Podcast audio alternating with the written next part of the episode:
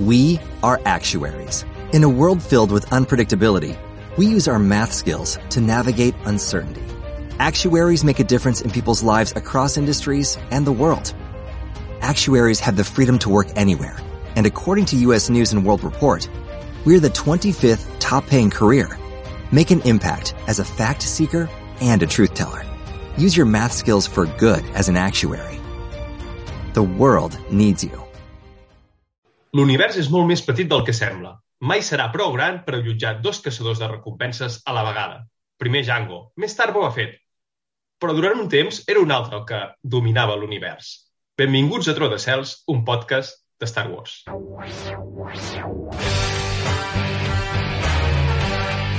Trotacels, un podcast de Star Wars. I molt bona tarda, Adrià. Què tal? Com estàs? Bones, Juan fas? Carlos. Com anem? Com ha anat la setmana en general? La setmana en general bastant bé, bastant bé. Una mica curteta, per, o se m'ha fet a mi curteta, però bueno, avui no gravem en divendres, gravem en dissabte, que també està bé, fa bon dia, ara després a la tarda eh, plourà, però bueno, ja hem aprofitat una miqueta. I a mi la setmana bastant, bastant bé. Tu què tal? Jo no em queixo, no puc queixar. Uh, de moltíssimes ganes que arribés al cap de setmana, el dissabte al matí, per tornar a gravar el número 13 de, de Trotacels. Ho he dit bé, oi? Sí, és el número 13 aquest. I avui parlarem de, de diverses cosetes puntuals, temes molt diversos, i sobretot parlarem d'un caçador de recompenses al final que ens va encantar durant Clone Wars i que creiem que es mereix que li dediquem una part de, del programa a la cantina ho avanço ja, perquè ho he deixat anar aquí com si fos molt misteri, però la gent que, que coneix Clone Wars ja sabrà de qui parlo. Parlem d'en Cat Bane. Cat Bane, aquest caça-recompenses... Després parlarem d'ell, Sí, però, que, després entrem en que ens- detalls. però que ens va agradar. Jo crec que a tothom en general ens va agradar molt. Molt bé. Doncs res, doncs eh, aquí comença un nou episodi de Totes Cels, 13 13, ja. I, bueno, si no ja ho mirem després, no passa res, sempre no, no ho mirem mai. Com sabeu, sempre diem el mateix. A l'Adrià i jo fem vides separades, després ens trobem aquí i passen coses. Vale? Estem també mirant de que col·labori gent. Això ho volia comentar perquè estaria Mm. bé eh, quan fem el programa, com és aquest cas, que l'estem gravant mitjançant una videotrucada, perquè l'Adrià està fora del... Bueno, estem, estem lluny un de l'altre, i estaria bé que la gent també s'apuntés. Ja tenim uns quants noms i parlarem de coses interessants. Però la gent que s'està escoltant, que es posi en contacte amb nosaltres i si vol un dia participar en una videotrucada i podem fer una mica així com fa el Darsegador, no? que convida gent, Sí, alguna cosa semblant, una mica eh, en format més de ràdio, òbviament, i més de tertúlia, però, però que estaria bé. I així truquem també més temes i obrim, expandim l'univers de tots els cels. El gran... molt bé, no? El, el, el trota... Estava intentant jugar, fer un joc de paraules entre Trotacels i Univers, però no em surt un trot, Complicat. el Troto Universe o alguna cosa així. Trotavers. Res, res. Com si no hagués dit res. El Trotavers, m'agrada més el Trotavers. M'agrada molt més. Molt bé, doncs si vols, Juan Carlos, podem començar eh, amb aquest eh, rumor que tenim apuntat, insistim, paraula rumor, no notícia, eh, que tenim sobre les possibles dates de les futures sèries de Star Wars, les dates eh, on s'estrenarien, diguem, la, la sèrie, Exacte. els primers capítols.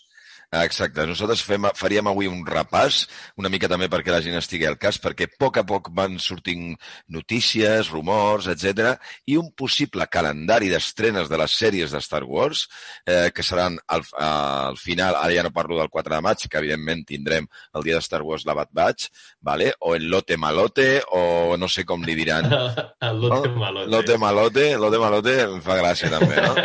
Lote Malo, en fi, no sé, és complicat. Jo el deixaria de Bad Batch i a córrer i, i ja està, però bueno, és el que hi ha. I, però bueno, a partir d'ahí tindr- tenim una sèrie de- d'estrenes, com sabem, The Book of Boba Fett, Mandalorian temporada 3, Kenobi, Cassian Andor, etc etc. Doncs comencem amb el calendari i sembla ser que, en principi, no sé si entre desembre i febrer, desembre de 2021 i febrer de 2022, tindríem l'estrena de Book of Boba Fett. Ahí queda la cosa, no ho Jo, sabem jo bé. crec que, crec que aquesta, la del 21 de desembre, de Book of Boba Fett, diria que és bastant probable que sigui, que sigui certa.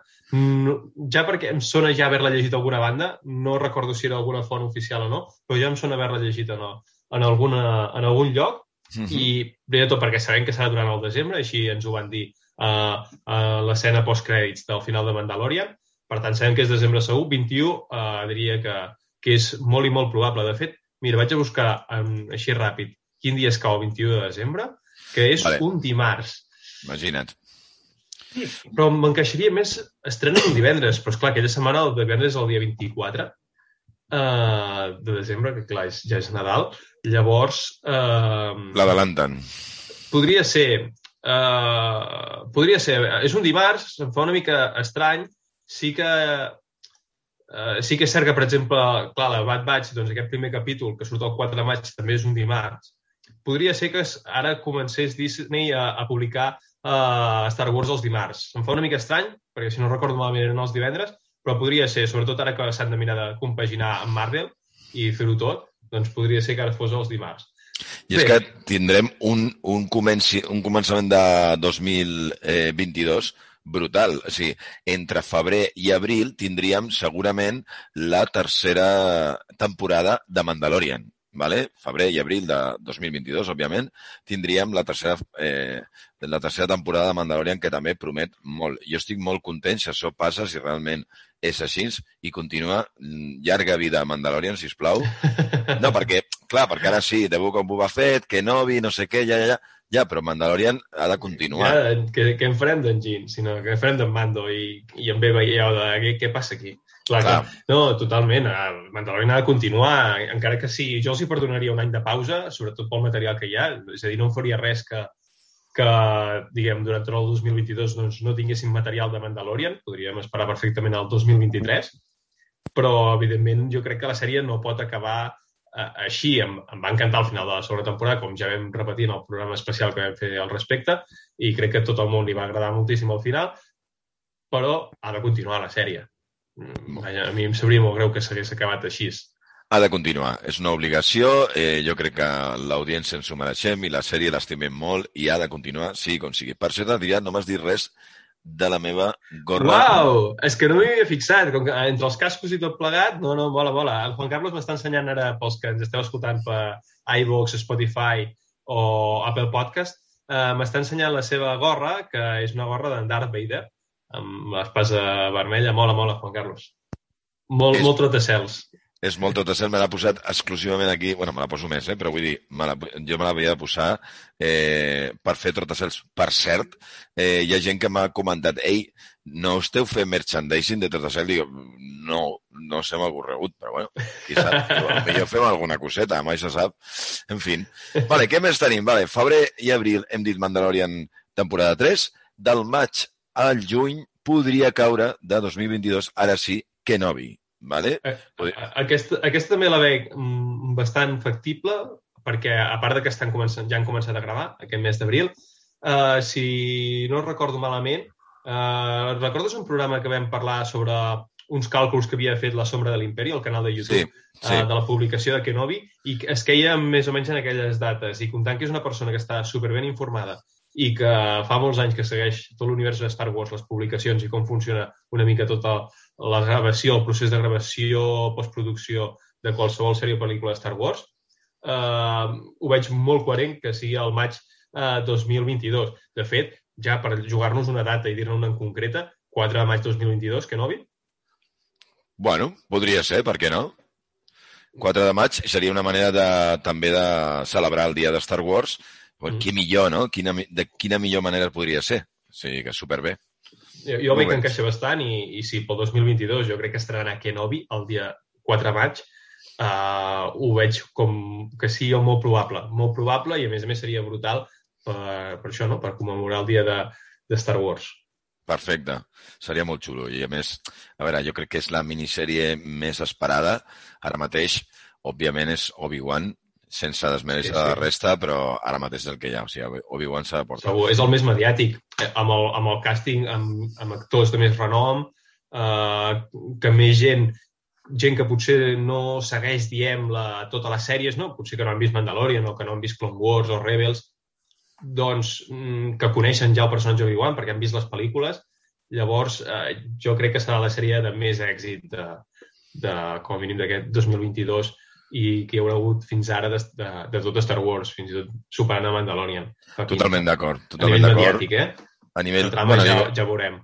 no, home, jo crec que la trama ha d'estar a l'alçada de, de tot, dels actors, de la sí. història, del personatge, de, de, de la inversió, de tot, perquè és una sèrie que està costant molt fer, molt de temps, eh, s'ha negociat moltes coses, en fi, jo crec que, que sí, que estarà a l'alçada i que podria sortir personatges molt emblemàtics i, i tenir moments èpics, que és el que tothom crec, crec que bu- busquem en aquesta sèrie, eh, ja no només veure de nou a Obi-Wan, sinó moments èpics, ja ja ho deixo, no? Aquí ja podríem començar a tornar a especular amb coses que ens agradaria veure, però per què no, no? Moments èpics seria molt xulo. Un dia ja parlarem més profundament.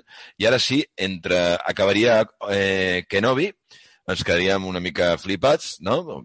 Aquí ho parlarem tot, o sigui, ens espera...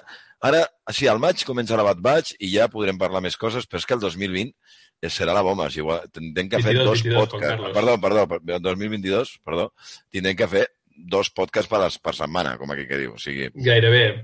Vale, Gairebé. totalment, farem especials. Però bueno, acaba el juny, ara sí, de, entre juny i agost, ja amb l'estiu, amb el caroret, podrien tenir la sèrie de Cassian Andor. Vale? Jo crec que aquí, eh, 2022, juny-agost, Cassian Andor, podria estar molt bé. M'agradaria, crec que és una sèrie que per l'estiu pot estar molt xula i molt bé. O sigui que guai.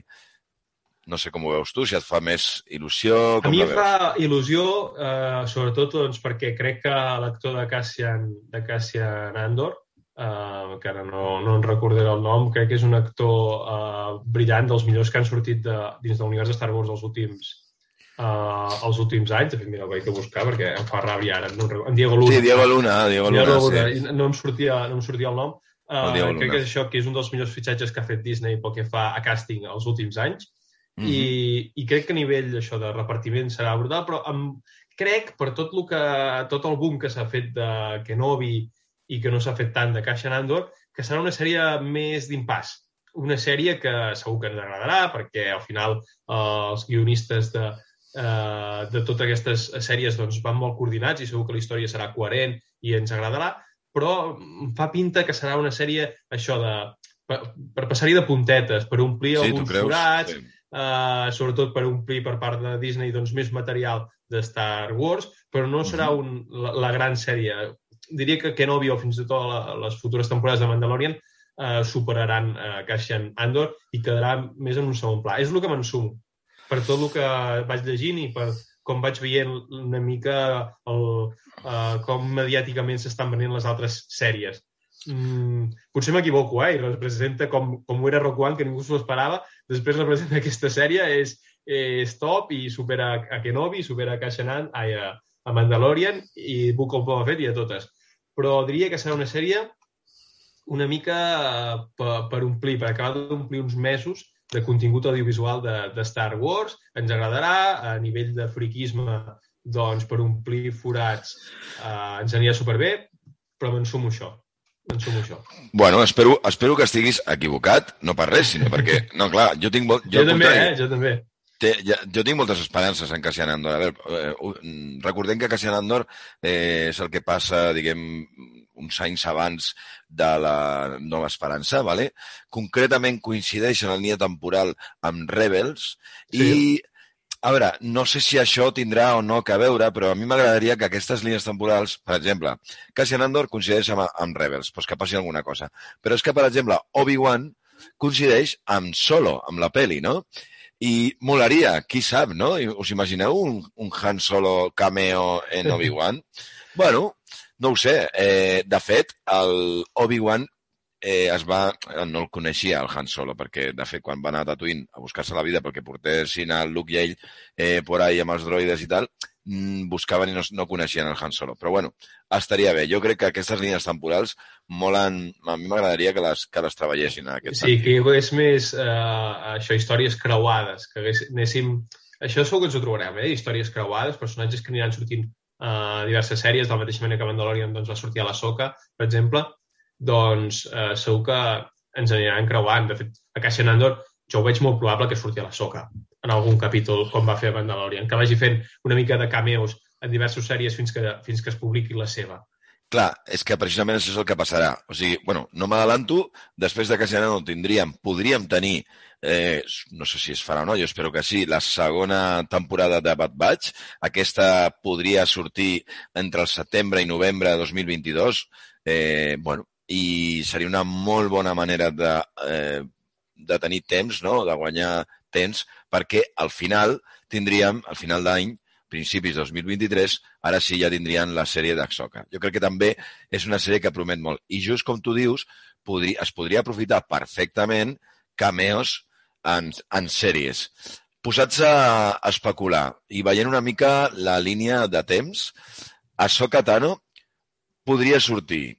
A Cassian Andor, sí, podria sortir. O sigui, temporalment podria fer un cameo, no? Perquè sí. la so Soka Tano, com a mínim, sabem d'ella fins a finals de Rebels, ja seria la nova esperança, vale? i més enllà encara, després del retorn del Jedi, també sabem, sí. no tenim gens d'informació des de la Nova Esperança fins al fins a l'episodi eh, 6, sí. el retorn del Jedi, el Jedi o el Jedi, no? No tenim més informació, però podria estar perfectament a Cassian Andor, eh, ja va sortir a Rebels, per tant no, no ha de ser una cosa rara. Podria sortir a, Keno, a, a Obi-Wan Obi Kenobi, a la sèrie? Tu què creus? Poder, Poder podria, podria sortir. Jo crec que la veig més a, a Caixa Nandor, diguem, en aquesta part més propera a la rebel·lió que no pas a tota la història de, de, de Kenobi. I, i jo, jo crec que no la veurem, a Soka Tano, a, a Kenobi, perquè diria que voldran introduir el, per sorpresa algun altre personatge. Record, a l'últim programa que vam parlar del càsting de, de, de Kenobi, on vam, dir, vam trobar faltar alguns actors, però ens esperàvem doncs, que apareixés, per exemple, el senador Organa. Mm -hmm. uh, jo, jo crec que les aparicions sorpresa que veurem en aquesta sèrie, que segur que en tindrem alguna, jo sí, això és a dir, que algun actor que no ens esperem sortirà, jo d'això no estic bastant convençut, mm -hmm. Diria que aniran per al cantó, diguem aquest, no? Uh, el senador Organa, o potser la Lia Organa, també, uh, de nena, no ho sé, diria que apareixeran més cap a aquest cantó de la història, més al cantó de la trilogia original, que no pas, uh, i de les preqüeles també, que no pas uh, cap a tot l'univers de les sèries, de Rebels, de, de, de Mandalorian, etc. Diria que aniran més, més, més per aquí. Mm, bueno, Mandalorian descartat perquè no, no encaixa en èpoques, però uh, això, això em refereixo. Més, més cap a aquest sector, diguem, de, de, la, de la història de Star Wars. Uh, el que sí que ara comentaves uh, de Bad Batch, del setembre a novembre, jo s'ho veig més difícil perquè mm, fa pinta que a Disney li agrada bastant publicar les sèries uh, sempre més o menys a les mateixes dates. Jo no descarto que tinguem el 2022 que s'estreni Kenobi i de Bad Batch el, el mateix dia, per exemple, el 4 de maig o, o la mateixa setmana, no? que deixin no el 4 de maig i la mateixa setmana el divendres doncs, sortir uh, de Bad Batch.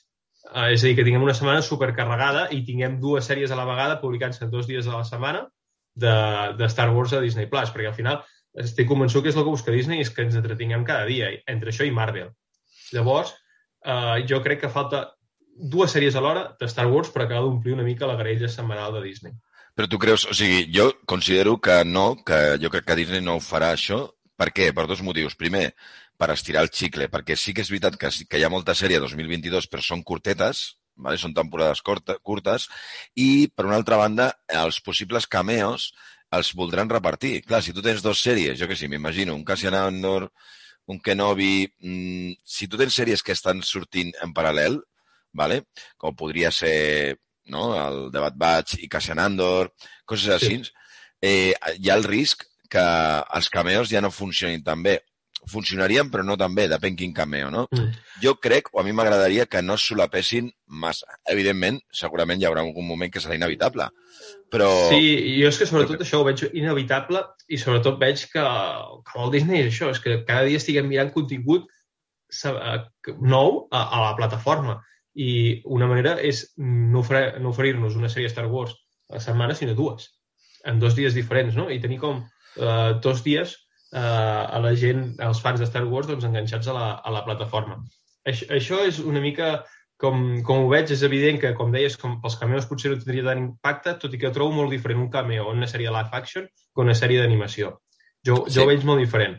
Uh, té, té molt més impacte a la live action i si se'l reserven ben fet, ben bé, per la sèrie de Kenobi, després de Cassian Andor i més endavant a Soka, mm, jo, jo veig que la Bad Batch serà una mica el complement de totes. Tindrem sempre Bad Batch més a Kenobi, després Bad Batch més Cassian Andor, després Bad Batch més a Soka. S'acabarà una temporada de Bad Batch i així sempre, cada any, no? Bad Batch en paral·lel a les diverses sèries live action que vagin sortint. Molt bé. Doncs també, no, no pot ser. Aquí hi ha l'audiència que digui... El... Sabeu que teniu una... Teniu Ens ho està inventant tot, eh? El més probable és que aquí un any escolteu aquest podcast i diem no hem encertat ni una. No hem encertat que... res.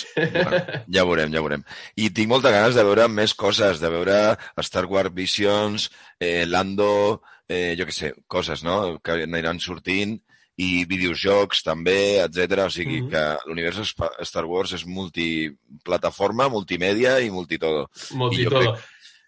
digues, I mira, ara, ara que deies video, videojocs, uh, m'hi has fet pensar, m'has recordat que aquesta setmana va sortir, o, bueno, la setmana passada, però diem que no ho vam anunciar nosaltres al, al capítol uh, anterior del podcast, que sortirà per PlayStation i Nintendo Switch un joc de Star Wars, el Star Wars Republic Commando, que mm. jo sincerament no hi he jugat mai, així que no puc opinar sobre el joc, però sortirà el 6 de, com diu, a...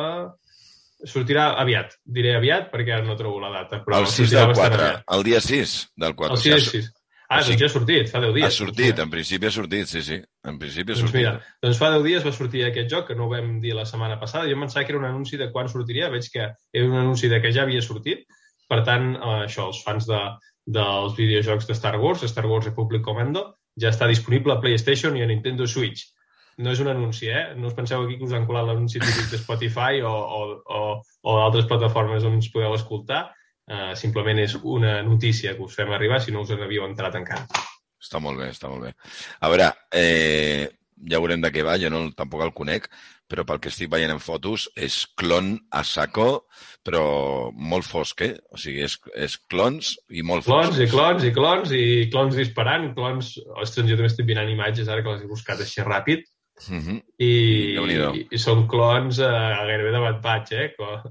No, no, total, total. O sigui, són guerres, és guerra per terra, per tot. Suposo que els protagonistes doncs, seran... Eh, escolliran tres clons que no, no sabem qui són, ¿vale? Molaria, no?, que siguin pues, el Rec, el, el Rex i tota aquesta gent, però bueno, mm. es muntarà un esquadró i pel que estic veient en el trailer, que apunta super, super bé. O sigui que té molt, doncs molt bona pinta. Eh? O sigui, ja, ja ho sabeu, si no ho sabíeu. Eh, sé que també és un joc que té molt èxit i que i que hi ha molta gent que el segueix, eh, més que nosaltres segur. Així mm -hmm. que, vaja, si algú que ens està escoltant doncs, li agrada el joc, ja hi ha jugat i, i ens vol doncs, transmetre la seva opinió, la publicarem aquí i l'explicarem en el següent episodi.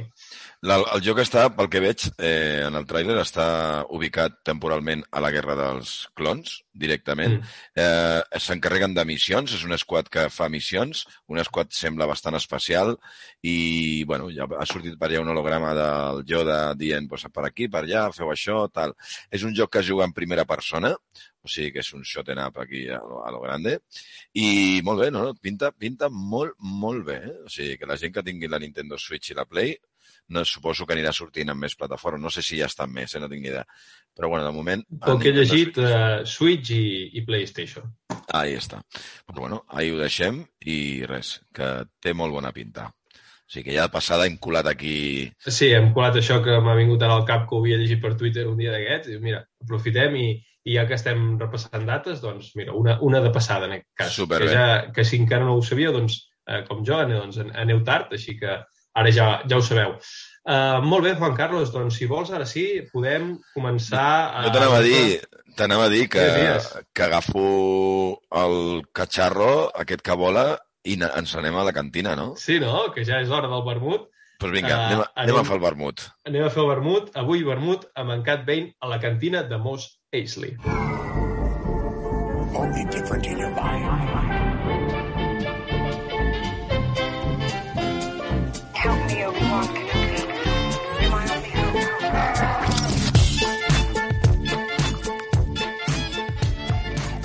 Molt bé, doncs ja estem aquí a la cantina de Mos Eisley i ja tenim el Cat Bain, que està convidat. Abans d'entrar l'hem hagut de dir, ei, tranqui, no passa res, aquí tu estàs a casa teva i ens ha dit molt ràpidament, eh, mira, perdona, però això és casa meva, si vull dir, tu tranquil, aquí em respecten, ja.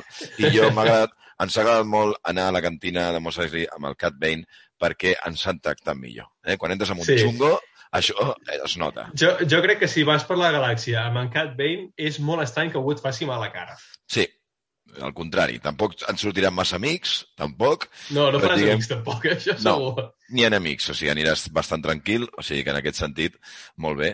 I, bueno, ens explica una miqueta qui és el Cat Bane, Adrià, que, que, que... expliquem. En Cat Bane, doncs, en Cat Bane segurament va ser el caçador de recompenses eh, que més problemes va diguem, provocar, que més problemes va generar durant les guerres clon a, a tot el que era doncs, el Temple Jedi i a totes les organitzacions eh, de protecció que hi havia a la galàxia, perquè mm. era un tio que era un follonero, eh, una persona que eh, molt cara, el que s'ha recompensa és més cara de la galàxia, però perquè en aquell moment era el millor. Es va transformar eh, segurament en el que tenia més prestigi de la galàxia després de la mort d'en Jango Fett. Recordeu tots, a la, tem a la temporada de l'episodi 2 de, de, la, de les preqüeles, uh, on uh, Windu va matar en Jango Fett, doncs diríem que si en aquell moment en Jango Fett era el número 1 de la galàxia a nivell de caçadors de recompensa, si hagués una lliga, doncs el que anava al capdavant era a la classificació era en Jango Fett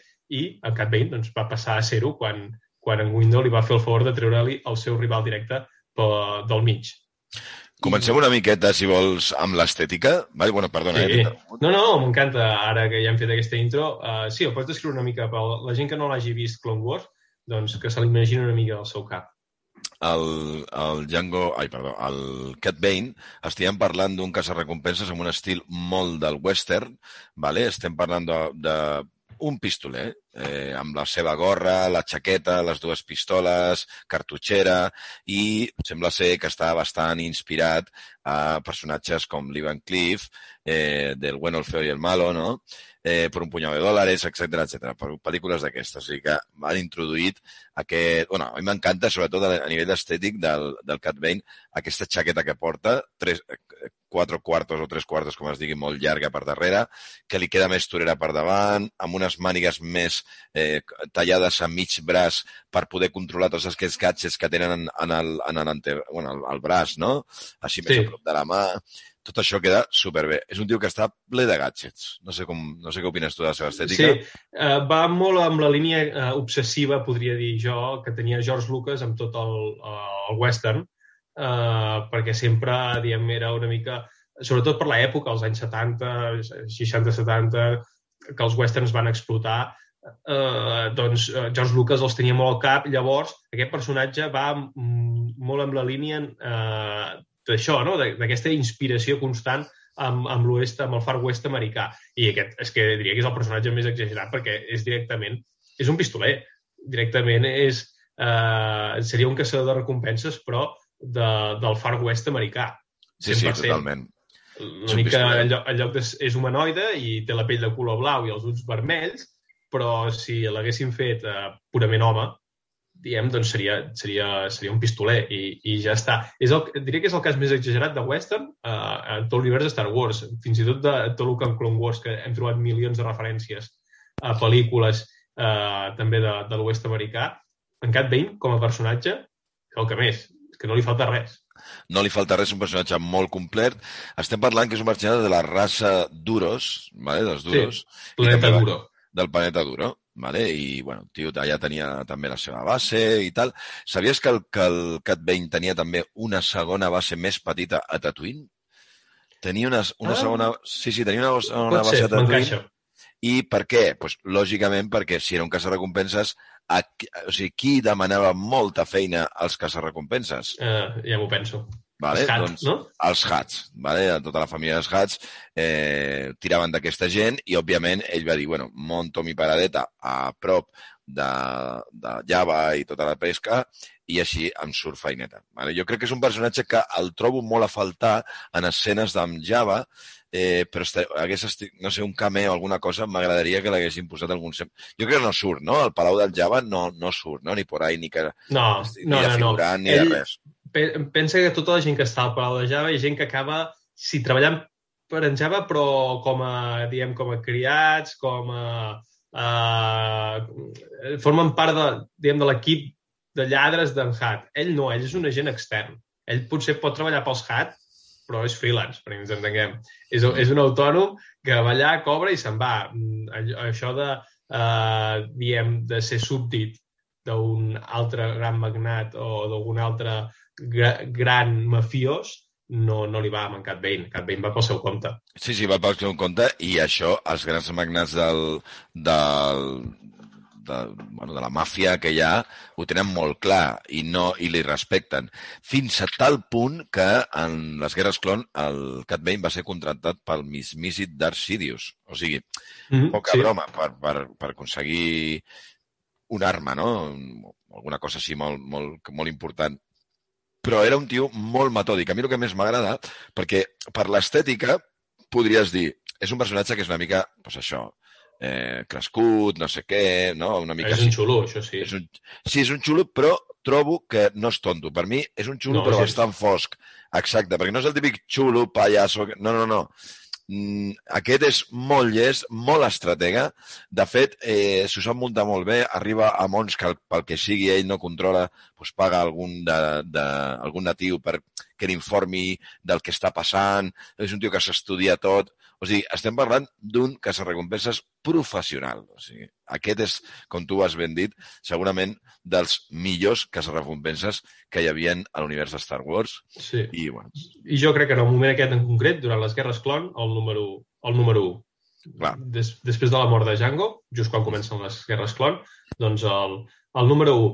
Uh, mira, per anar complementant i la gent, sobretot que no conegui en Cat Bane, se'n pugui fer encara eh, una idea millor i se'l pugui imaginar encara més, eh, podem descriure alguns dels moments més èpics durant la sèrie de Clone Wars que va viure en, en Cat Bane, així enteneu ben bé com treballa. Un dels casos més eh, exagerats que hi va haver, podríem dir així, durant Clone Wars amb en Cat Bane com a protagonista va ser eh, quan els Hat, que abans ja ho deien que havia, havia treballat moltíssim i per això tenia aquesta base a Tatooine que ens deien Juan Carlos, eh, el van contractar per alliberar un familiar de la família Hat que havia acabat presoner, diguem, de la justícia eh, de la República Galàctica. Mm -hmm. I per eh, ajudar-lo, bueno, per, per alliberar-lo, eh, en Cat Bane, doncs, a part de cobrar moltíssim els Hat, el que va muntar va ser tota una estratègia per segrestar a senadors i forçar en Palpatine a fer un intercanvi entre els senadors i el, el familiar dels Hat que havia estat segrestat. Així us podeu fer una mica la idea de com treballava aquest personatge. Imagina't, eh? O sigui, el, ell, bueno, que no tenia problema, eh? se la buscava la vida. Si havia de ser a trets, si havia de ser segrestant en guerres, si havia de ser eh, fent, formant un equip de caça-recompenses sota la seva ordre, o si havia de segrestar i negociar, entre cometes, els hostatges, eh, ahí estava. Cat Bane en trobem molt, molt, eh, bueno, molt potent en aquest sentit, no? I, bueno, ja ja està una miqueta. A veure, es va convertir en una llegenda, òbviament. Estem parlant d'un gran. Sí, sí, durant una època. El que sí que ja no tinc tan clar, perquè no, no m'he volgut informar per si de cas, és com acaba una mica la trajectòria de Cat Bane a l'univers Star Wars. De fet... Home, jo diria que no acaba. Jo diria que no... Que no... No sé, sí que, que no hi ha, pot, no? Sí, ja, hi ha un, ja recordo un capítol on eh, l'Obi-Wan Kenobi es fa passar per un caçador de recompenses quan, quan representa que Kenobi mor, que uh -huh. és mentida, no? Sorry si no heu vist Clone Wars, un, un petit spoiler d'un seguit de capítols on et penses que en Kenobi ha mort, que evidentment saps que no perquè surt a l'episodi 3, però uh -huh. eh, munten, els Jedi munten tota una trama per eh, capturar eh, tota una organització criminal eh, de caçadors de recompenses i en, per allà doncs, hi surten Cat Bane. Eh, i, i diria que per allà és capturat, estic tirant de memòria, deixa'm buscar un moment, Uh, diria que per allà és capturat, però aconsegueix escapar a les típiques històries que passen amb Cat Bane, que gairebé el tenen els Jedi, però després uh, s'escapa. I diria que a partir d'allà ja no en sabem gaire res més. Jo crec que no, jo crec que, per això dic que no mor, simplement eh, s'escapa i, bueno, i, i viurà, continuarà el que sigui, no? Però Cat Bane realment sí. A mi no em sona, eh, que mori, ni, ni molt menys. No. I, bueno. En qualsevol cas sí que pot ser que hi hagi algun llibre o novel·la que nosaltres no... novel·la o còmic, diem que, que s'expliqui més històries d'en Cat, Cat Bane, així que tornem a fer una crida a tota la gent que ens escolta, que si algú doncs, ha llegit alguna cosa de quin és el desenllaç en Cat Bane, eh, doncs, que ens ho faci arribar via Twitter o per la, pel canal que cregui convenient i doncs, nosaltres en futurs episodis podem tornar a repescar aquest personatge i a explicar el seu desenllaç final. Qui sap? I eh, jo no, a mi sí que es quedi així, o sigui, vull dir que no mori ni res, que s'estiri molt el personatge, que surti, com tu dius, algun còmic, alguna novel·la, el que sigui, no?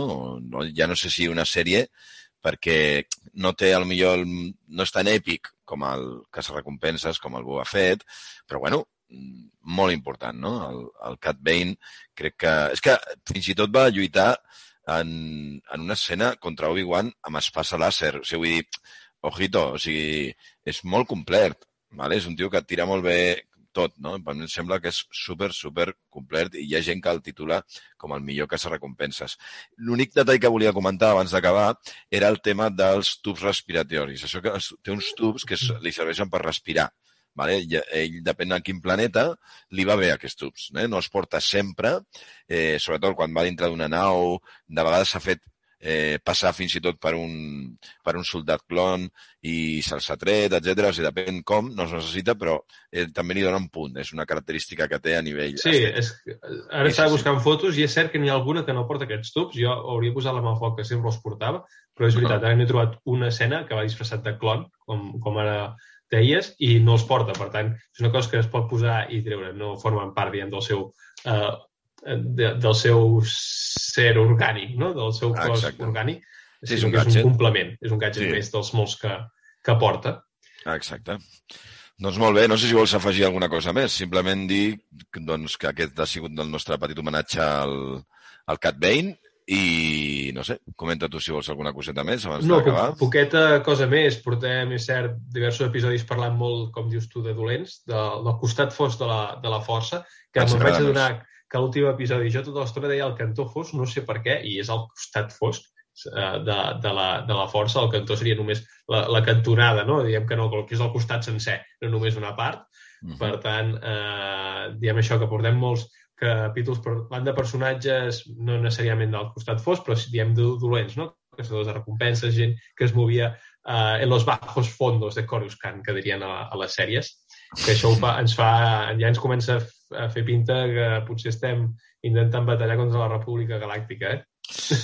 Tu i jo sempre hem sigut una mica cits. Eh, jo avui, igual que tu, portem les samarretes, camisa fosca, jo porto la meva bola de Darth Vader, parlem sovint de dolents i ens agraden més els dolents que els bons.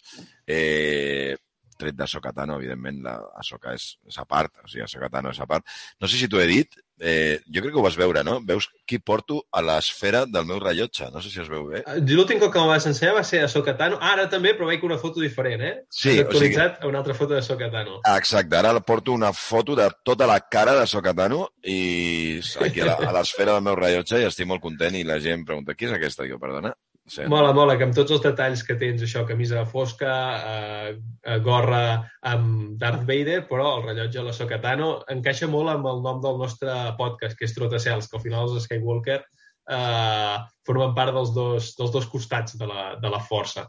Ah, exacte. Uh, al final. Res, sí, res més, Juan Carlos. Crec que podem anar acabant l'episodi d'avui. Recordar a la gent que ens escolta que ens pot buscar a Spotify, iVox, uh, Apple Podcast també i molt aviat algun altre canal que anunciarem molt aviat i a la nostra web, trotacels.cat.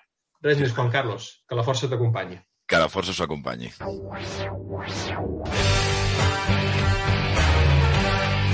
Trotacels, un podcast de Star Wars.